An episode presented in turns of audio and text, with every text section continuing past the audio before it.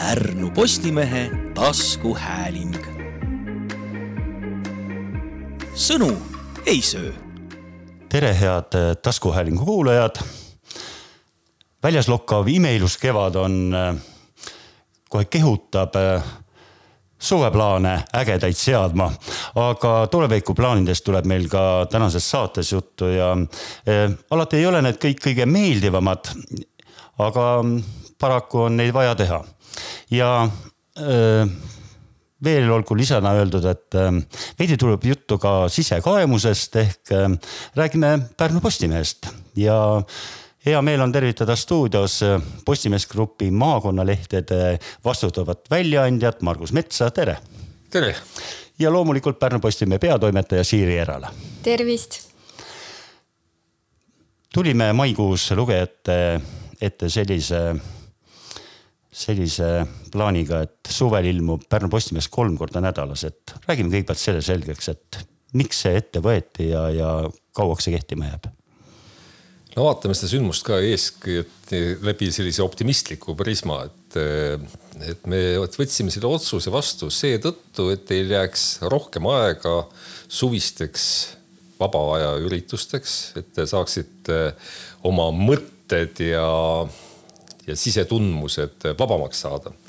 et muidu Pärnu Postimehe paberilehe lugemine, sihukese tõsise materjali lugemine võtab palju aega teilt ja, aga nüüd te saate nautida rohkem rannas äh,, aiamaal, veeta lastega aega, nii et eeskätt mõtlesime teile ja meile tundus lihtsalt, et see kolm korda nädalas on täpselt paras. see oli väga tore sissejuhatus, aga, aga, aga räägime nüüd ikka natukene ka tegelikest põhjustest, et ma eeldan, et ähm, seda ikka kaaluti pikka aega, et äh, ilmumiskorra niisugune muutmine, noh, ei saa olla kergekäeline otsus, et ma ei tea, miks sa eeldad, et ma valetasin ma.... ei, ma ei öelnudki valetad, see oli nagu ilus, ilus jutt. see oli ilus aga, jutt, aga. aga ma eeldan, et siin aga, on ikka mingid majanduslikud põhjused ka taga.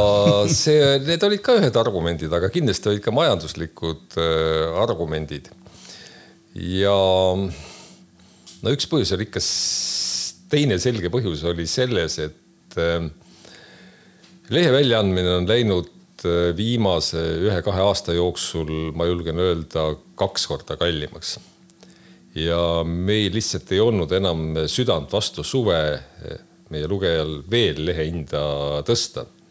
et me olime teinud seda iga poole aasta tagant, viimati jaanuarist.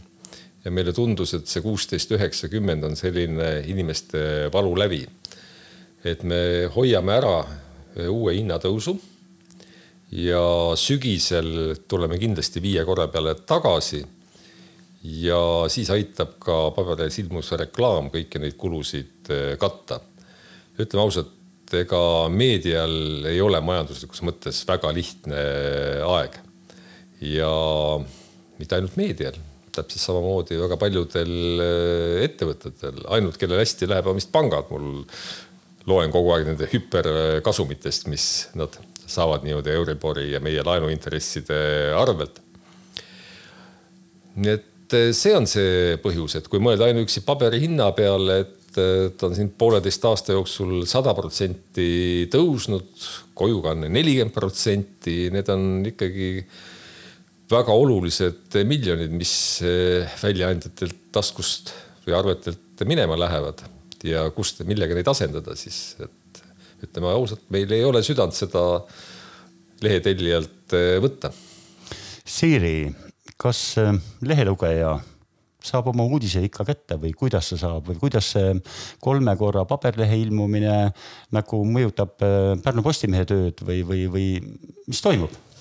ja me hakkame siis ilmuma teisipäeviti, neljapäeviti ja laupäeviti paberkujul, aga veebis töötame me siis iga nädalapäev ja me anname ka paberlehe tellijatele tasuta ligipääsu suveks meie veebiväljaandele. Mm, samamoodi meil on praegu meil lehed enamasti on kaksteist külge. et siis meil on plaan teha siis laupäevased lehed äh, kuusteist külge, et natuke mahukam see laupäevane väljaanne ka. ja ma, ma tahaks loota et selline kombo, see paberleht äh,, ilusasti kujundatud äh,, väga kenasti äh, kokku pandud pikemad lood ja siis äh, veebi tarbimine, et see annab nagu kindlasti sihukese korraliku, korraliku ülevaate et ajakirjanikud teevad ikka sama palju tööd, et selles mõttes, et, et ajakirjanikest keegi nagu ähm, koduseks ei jää ja, ja siis niimoodi mõneks päevaks nädalas uksi me siin toimetuses kinni ei pane. mina olen tegelikult sama, sama meelt, et tõeline Pärnu Postimehe lugeja vajab nii pabertoodet kui ka veebi, vajab mõlemat. Et veebis saad sa ikka tõesti seitse korda nädalas, noh, mitte päris kakskümmend neli tundi, aga vähemalt kakskümmend tundi saad need kiired uudised kätte, kui midagi tõesti erakorralist juhtuma peaks. aga paberleht on see, kus ma ise ka tunnen, et ma loen nimelt paberlehte õhtuti viimasel ajal, et ongi see, et ikka hommikul on esimene asi, mis sa pihku võtad, on see mobiiltelefon.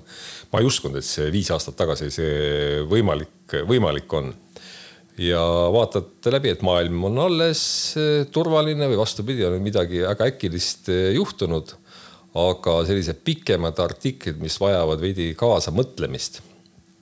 ja ma olen jätnud õhtuks, nii et see on tõesti kummaline, et ma võtan eh, sama päeva paberlehe kätte enne uinumist raamatu asemel ja loen seal mõned artiklid läbi, mis ma päeval võib-olla märkasin, aga ma ei, ei lugenud. ja tundub üldse, et see noh, inimeste harjumus muutub, kuidas ta ajakirjandust äh, loeb või, või kuidas ta ajakirjandusega ka suhtleb. et äh, kui keegi oleks mulle öelnud, et kaks kolmandikku äh, meie veebilugejatest tuleb meile läbi mobiilide no mina ei uskunud seda viis-kuus aastat tagasi, ma vaatasin seda oma väikest iPhone'i ja mõtlesin seda, et no mis pagana moodi see ajaleht sinna sisse ära mahub ja kuidas ma seda loen, aga telefonid läksid suuremaks. toimetused läksid osavamaks ja inimesed on sellega harjunud aga Margus, võib-olla oskadki mm, väikse ülevaate anda, et kunagi, kui sa olid Pärnu Postimehe vastutav väljaandja, siis sina selle eh, nii-öelda digipaketiga meie mõistes praegu eh, ka siin Pärnu Postimehes alustasid ja, ja et kuidas see nagu muutunud ja arenenud on, et võib-olla sa oskad nagu mingi pilti anda sellest aja jooksul? eks see Pärnu Postimees on ajas nii palju muutunud ja meie mõtted ja plaanid on muutunud, et ma mäletan, et kui esimene see digiväljaanne Pärnu Postimehele tuli, siis me ei mõelnud ju seda, et me hakkame jooksval päeval, jooksva päeva uudised sinna kohe panema, et tegelikult oli see ikkagi paberlehe peegeldus. ja me lihtsalt mõtlesime seda, et hoiame loodust, hoiame metsa kokku ja Pärnu Postimees on üks ja lihtsalt veeb on üks kanalitest, kuidas see Pärnu Postimehe uudised sinuni jõuavad. aga see, mis on siin viimase kümne aasta jooksul juhtunud, et see põhiline uudistevoog tulebki läbi veebi. ja võib-olla see paberlehe sisu veebis on tegelikult hoopis teisane. see on lihtsalt aja ja inimeste harjumuste muutus me ei osanud neid ette seda kõike näha ja kui ma vaataks nüüd edaspidi tänasest jälle näiteks noh, viis või kümme aastat tulevikku. ütlen ausalt, ma jään jänni juba ülejärgmise aastaga ilmselt kahekümne kuuenda aastaga, ma ei oska seda tegelikult öelda, mismoodi inimene Pärnumaal tahaks Pärnu Postimehe uudiseid lugeda, kas ta tahab jätkuvalt seda paberil saada. ma täna lugesin eh, ka ajalehest eh, uudist, et eh, antakse välja Juhan Viidingu uus plaat, kus on tema, põhiliselt tema luule, tema enda esituses sees ja see antakse välja vinüülil. no see on praegu väga populaarne nihuke helikandja. aga kas ma julgen öelda, et äh, viie või kümne aasta pärast äh, mingil juhul paberil ajaleht ei ole vinüüli staatuses, nagu see täna on, et see on see prestiiži ja sellise krabiseva eksootika ja mille, mille iganes tunnus, nii et ma ei tea seda Siiri, tahtsid lisada? ja ma tahtsin lisada, et, et tõesti, et see, et äh, veeb ja paber on justkui peegeldused, et see on tõesti ammu juba ära lõppenud ja veeb äh, noh paberil on nagu ühtmoodi võimalused lugejat köita, talle seda sisu pakkuda, aga veebis on neid veel palju-palju rohkem. ja ma julgen siin küll endale vastu ja oma toimetust nagu esile tõsta, endale vastu rinda lüüa ja toimetust esile tõsta, et meilt ikkagi leiab videolugusid, meilt leiab kuulamist, kes tahab neid podcast'e kuulata, ülekandeid sündmustest, väga ägedat graafilist materjali, liikuvat pilti. et, et see ühe loo tarbimine, see justkui see põhiline sõnum võib ju olla üks aga see, kuidas me neid välja mängime, mis lisandväärtust saame lisada, et see on tegelikult väga palju erinev. Ja ma arvan, et meie paberlehe lugeja on ka märganud, et äh, aeg-ajalt meil on lehes sellised QR koodid, mida saab skännida oma telefoniga ja need viivad siis nagu selliselt teistmoodi rikastatud lugudeni. Et ma tegelikult soovitan sellist hübriidtarbimist teha, et seal tõesti on seda, seda, seda võimalust et ma olen kogenud isegi seda, et kui ma teen vinüülplaadi näite, et mingi muusikalugu võib Spotify's ja vinüülplaadi pealt kuulates võib täiesti erinevalt kõlada sinu kõrvade jaoks, sul võib tekkida hoopis teistsugune emotsioon ja uskuge või mitte, mul on mõni lugu, mida ma olen lugenud päeval mitte telefonis, isegi ka arvutist ja ma loen seda õhtul ajalehepaberi pealt uuesti üle, ta tekitab must teistsuguse emotsiooni ja ma märkan nagu muid asju ja ma isegi imestan seda, et kas siis järelikult ma loengi elektrooniliselt kandjalt asju kuidagi teisiti, kuidagi hüplikumalt, diagonaalis, pealiskaudsemalt ja paberil on siis harjumus raamatute või ajalehtede lugemisest, ma loen teda teisiti ja mul tekivad hoopis teised eh, seosed. märkan asju, mida ma enne tähele ei pannud siin on ilmselt põlvkondade erinevused ka, ma arvan, et, et, et kes on nagu paberlehega, ütleme, harjunud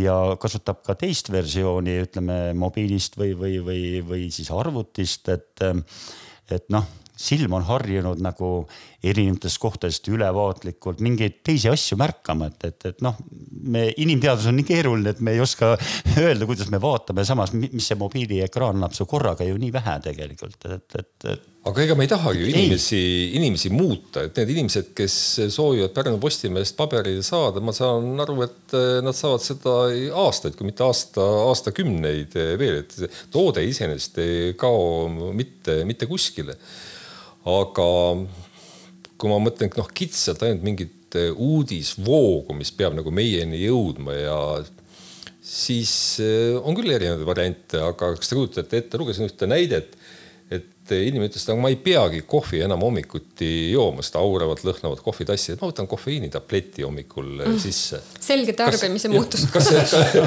kas see on tegelikult sama mm? -hmm Yeah. vist ei ole, ma arvan. no siin on ikka mingi emotsionaalne pool ja erinevad tajud ja kus see lõhn jääb ja meil on, meil, meil on tajusid rohkem kui üks ainult. aga samas me ise meil. siin Pärnu Postimehes ju hiljuti just tegime selle nii-öelda kofeiinitableti ka, et tegelikult me võtame igal reedel kolme minuti sisse kõik uudised lühidalt kokku tegelikult me oleme ise selle kofeiinitableti nüüd loonud, on ju, ja vaatame, kui palju sellel siis tarbijaid on, et meil on tegelikult oma äh, podcast'i kanal ja Spotify's ju olemas äh, lühidalt äh, uudised, mida me teeme, et tegelikult me oleme loomas neid erinevaid variante, kuidas siis seda sisu tarbida. Ja kui sind midagi sealt huvitab, siis sa saad minna kas paberlehe juurde, veebiartiklisse. et, et me ise oleme selle kofeiinitableti juba teinud. Ja, ja et need asjad on, mis meil nagu teoksil on ja lähimas plaanis, aga kui mõelda kasvõi viimastele Riigikogu valimistele, kus hakkas äkki no vähemalt ühe erakonna poolt ähm, käima mõte läbi, isegi mitu mainis seda, siis milline see pikk plaan on ajakirjandusel ja ka Pärnu Postimehel, et oskate seda kuidagi vaadata või, või tulevikku pisutki ennustada? ei, muidugi oskame, me oleme, ma arvan, Sirge nii pika kogemusega mõlemad juba, et muidugi oskame. et kui võtta, et kui vana on üldse Eesti ajakirjandus? Eesti ajakirjandus, paberajakirjandus on üle kahesaja aasta vana, mälu järgi tuhat kaheksasada kuus vist oli esimene Tartu oma nädalaleht, mis eh, ilmus. kui vana üldse ajakirjandus on? Noh, siin on jõutud kuueteistkümnendasse sajandisse, viieteistkümnendasse sajandisse. üks käsitlus on see, et äh, ajakirjanduse lõi hoopis Julius Caesar, kes olevat siis esimesi nii-öelda savitahvleid ja ma ei tea, papüüruse rulle levitanud ka. Nii et äh, aga ma arvan, et ajakirjandus peaks ikkagi sada või teine kakssada kestma, millisel kujul on täiesti omaette asi. Kui natuke nalja heita, siis ma olen öelnud seda, et, et võib-olla lihtsalt saja aasta pärast sa ei pea enam uudiseid lugema või omandama, sa lihtsalt tõused ja sa tead neid. kas see on tõesti kiip sinu kõrva taga või mingisugune muud, muu moodus, eks see seab jälle omad riskid kõigi see tehisintellekti ja, ja selle kaudu, nii et aga me näeme, ma ütlen veel, me ei tea seda, see pikk perspektiiv, mida sa mu käest küsisid, me jääme kestma, millisel viisil ja kuidas need uudised lugejani jõuavad.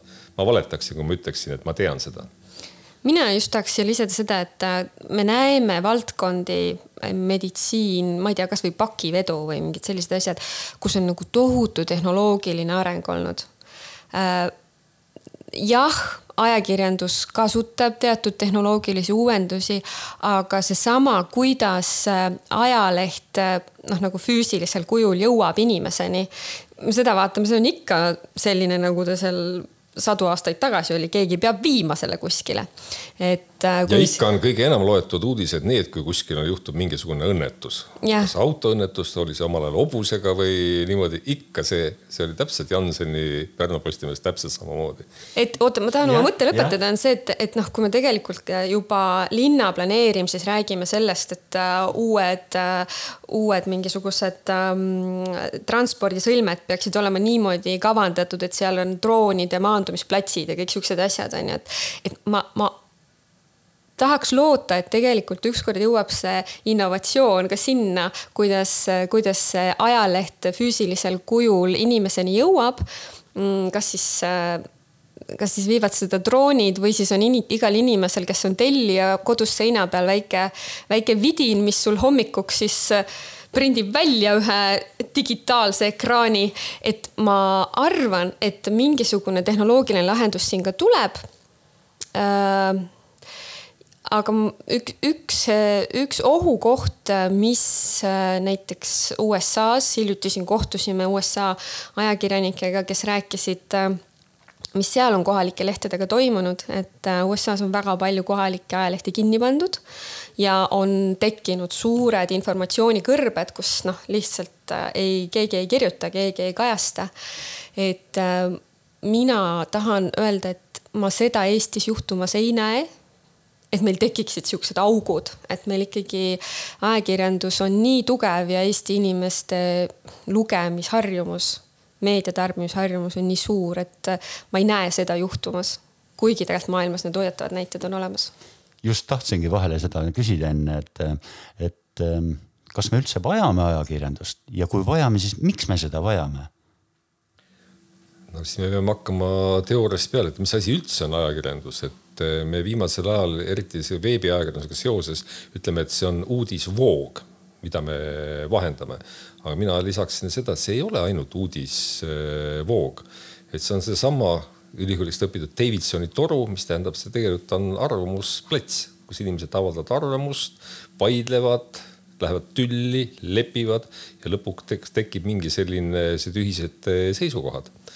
et eh, need funktsioonid on palju suuremad noh, nüüd on näiteks seda uudist kui sellist on ka hakatud teistmoodi tõlgendama, eriti just hästi noore põlvkonnaga, et, ähm, et uudis ei ole mitte see, et ajakirjanik vahendab mingisugust toimunud sündmust, vaid uue põlvkonna jaoks pidi olema uudis ka see, et noh, kuidas näiteks äh, praadida kartulit nii, et ta ei pritsiks köögis äh, laiali see õli et see on ka tema jaoks uudis, kui ta saab seda esimest korda teada. see on nüüd see põlvkondade erinevus.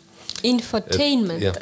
et see uudise mõiste ka ajas, ajas muutub, aga mul on tunne, et selline avalik debatt ja erinevate arvamuste paljusus ja et see nagu ajas väga palju ei muutu.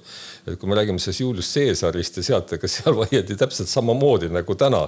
et äh, kui sa vaatad seda, mis Riigikogus hetkel toimub, siis ma kujutan ette, et see toimus äh, kunagi veetšedel või, või tõesti ka Rooma impeeriumi ajal, nii et et inimene jääb selliseks äh, vaidlejaks ja seda loota, et meie oleme kõik ühel meelel, seda ei juhtu ajakirjandus on see koht tegelikult, kus need arvamused ka põrkuvad omavahel. mina kasutaks eh, võib-olla seda mõistet, et ajakirjandus on teenus. et eh, kui sa vaatad, kui mitmekesine meedia üldse on, et, et ajakirjandus, seal vahel ei ole ju võrdusmärki, ajakirjandus ja meedia, et meedias on äh, kõikvõimalikud koduleheküljed, äh, sotsiaalmeedia, Tiktokid, kõik see on meedia. et ajakirjandus on ainult üks osa sealt. ehk siis see ajakirjandus kui teenus on tegelikult äh, välja filtreerida see, mis on oluline mis, mis päriselt seda kogukonda puudutab ja see kohalik ajakirjandus veel eriti. ja sõeluda välja infomürast see, mis on, mis on tõde, mis on oluline, et see on nagu see inimesele teenuseid tegelikult ma arvan, et see on see, mille, mille eest inimesed maksavad. kui mainisid neid USA infokõrbesid, et siis mul tekkiski mõte, et kas ei ole nagu oht ühiskonnale nagu mingis mõttes, et ajakirjandus ju täidab seda rolli ka, et, et ta hoiab ühiskonna toimivana, ta teavitab e protsessidest, otsustest, meie ümber toimuvast üldse laiemalt kultuurilisest, mis kõigest veel nagu, et, et. ja hoiab kogukonda koos, maakonnalehtede puhul veel eriti et noh, annab sellele kogukonnale selle meie tunde, ühised teemad, millega me praegu tegeleme ja, ja selle, et noh, kes me oleme, mis näoga me oleme, et äh, see on nagu väga-väga oluline, et noh, kasvõi võtame äh, valimised. me eelmiste valimiste, noh nüüd toimunud valimiste juures me ju nägime, kui palju tegelikult toimus selliseid mikrodebatte et teatud huvirühmad tahavad ühest asjast teada, käiakse ühes kultuurimajas, teises kohas, aga tegelikult on vaja need sõnumid ja need kandidaadid ikkagi lõpuks kokku tuua, nii et nad räägivad sellest, mis on nagu kõigile oluline Mm -hmm.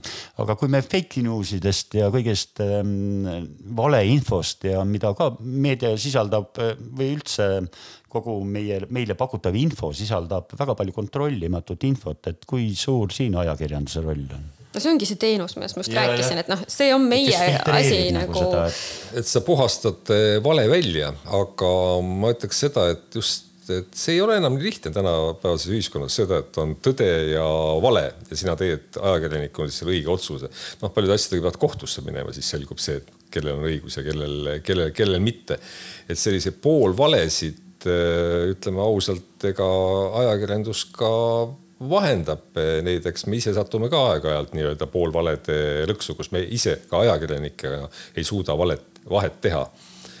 ja aga vähemalt meie asi on see, et me koondame siis kokku erinevad seisukohad, vastandlikud seisukohad ja me ei pea alati olema kohtumõistja selle vahel, et sinul on õigus ja sinul, sinul mitte nii et me oleme mõnes mõttes ka ühiskonna lepitaja rollis ja ma just toon siin hästi välja seda eetilise ajakirjanduse rolli.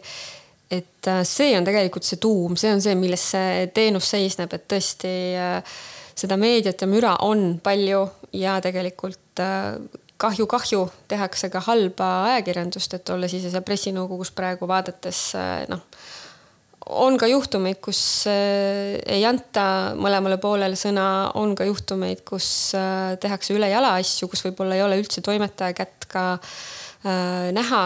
et ma just tooks välja, et see oluline on siin see eetiline ajakirjandus ja see on iga väljaande enda ja iga väljaande toimetaja vastutus tegelikult aga ma arvan, et ongi aeg eh, otsad kokku tõmmata, et saime natuke arutleda selle üle, et, et kus me oleme ja mida me teeme.